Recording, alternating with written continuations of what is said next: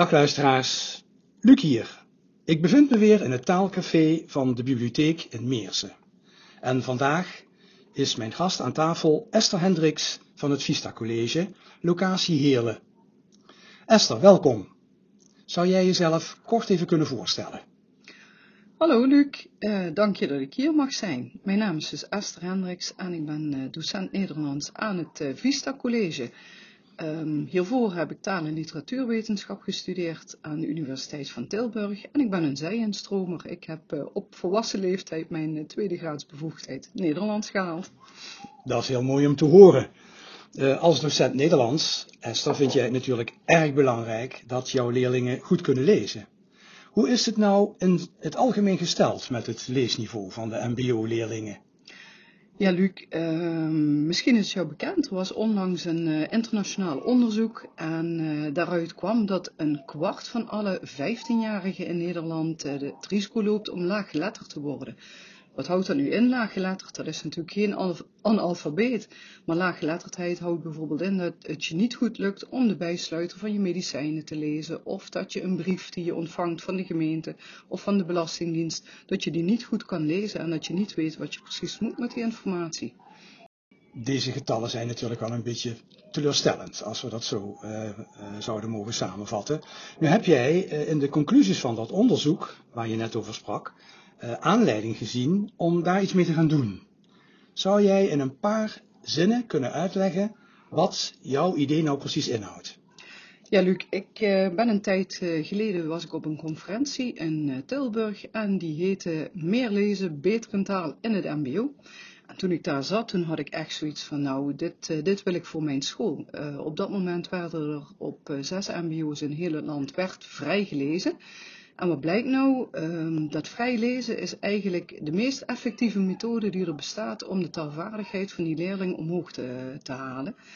Um, lezen, dat, iemand die veel leest, die is beter in taal in het algemeen. En dat merk je aan spelling, aan woordenschat, begrijpend lezen, technisch lezen.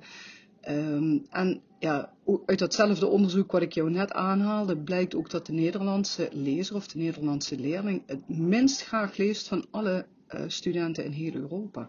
Dus daar moeten we echt iets aan doen als onderwijs. Ook dat is natuurlijk heel bedroevend om te horen. En ja, mooi dat jullie dat oppakken en dat je daar dus iets mee gaat doen. Um, ik begreep ook van jou dat uh, het heel belangrijk is om bij die leerlingen met name het leesplezier te bevorderen. Maar daar heb je natuurlijk boeken voor nodig. Ja. En uh, uh, boeken die daar geschikt voor zijn om dat leesplezier te bevorderen. Nou kan ik me zo voorstellen dat je ja, die boeken op een mbo-school niet zomaar ter beschikking hebt. Ja, correct. Hoe heb je dat opgelost? Ja, nou een van de voorwaarden natuurlijk uh, voor het slagen van dat uh, leesplezier is dat die student de boeken in zijn nabijheid heeft. Hè? Dat hij er zo de beschikking over heeft. En dat hij boeken heeft die aansluiten bij zijn belevingswereld. Uh, we hebben er niks aan om hem uh, de ontdekking van de wereld te laten, van de hemel, sorry, te laten lezen. Dat sluit niet aan, maar echt iets wat uh, die leerling voor zijn plezier zou willen lezen en waar hij dan ook meer van wil. Um, ik had een, een klein budget. Daar ben ik bijvoorbeeld bij de kringloopwinkel geweest. Daar vind je vaak boeken voor een klein bedrag. Er zijn mensen geweest die uh, boeken gedoneerd hebben en ik had contact met uh, Claudia van de Bibliotheek Meersen.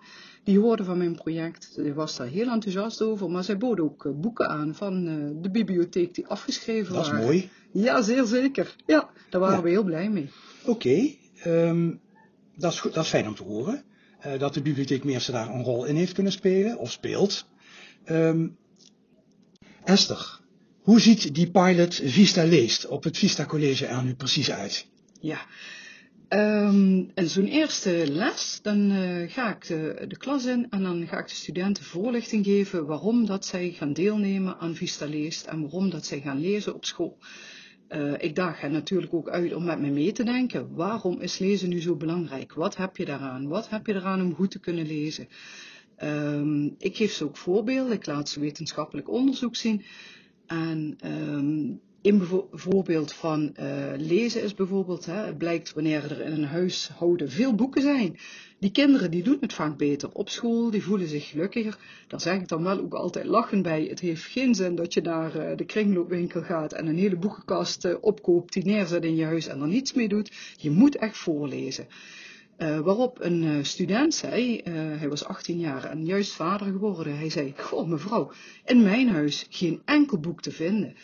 Um, dat vind ik dan wel een heel mooi voorbeeld. Wanneer we deze jongen aan het lezen krijgen en hij ook beseft en ervaart hoe belangrijk goed lezen is, dat hij ook wanneer aan zijn kindje gaat voorlezen en dat deze dan ook natuurlijk in een geletterd gezin opgroeit.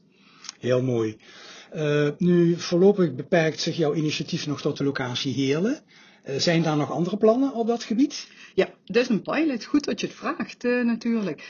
Mijn uh, toekomstdroom is om dit absoluut, hè, nadat we de pilot geëvalueerd hebben, en ja, ik ben er zeker van, gezien de, de resultaten in het land, dat dat alleen maar positief kan zijn.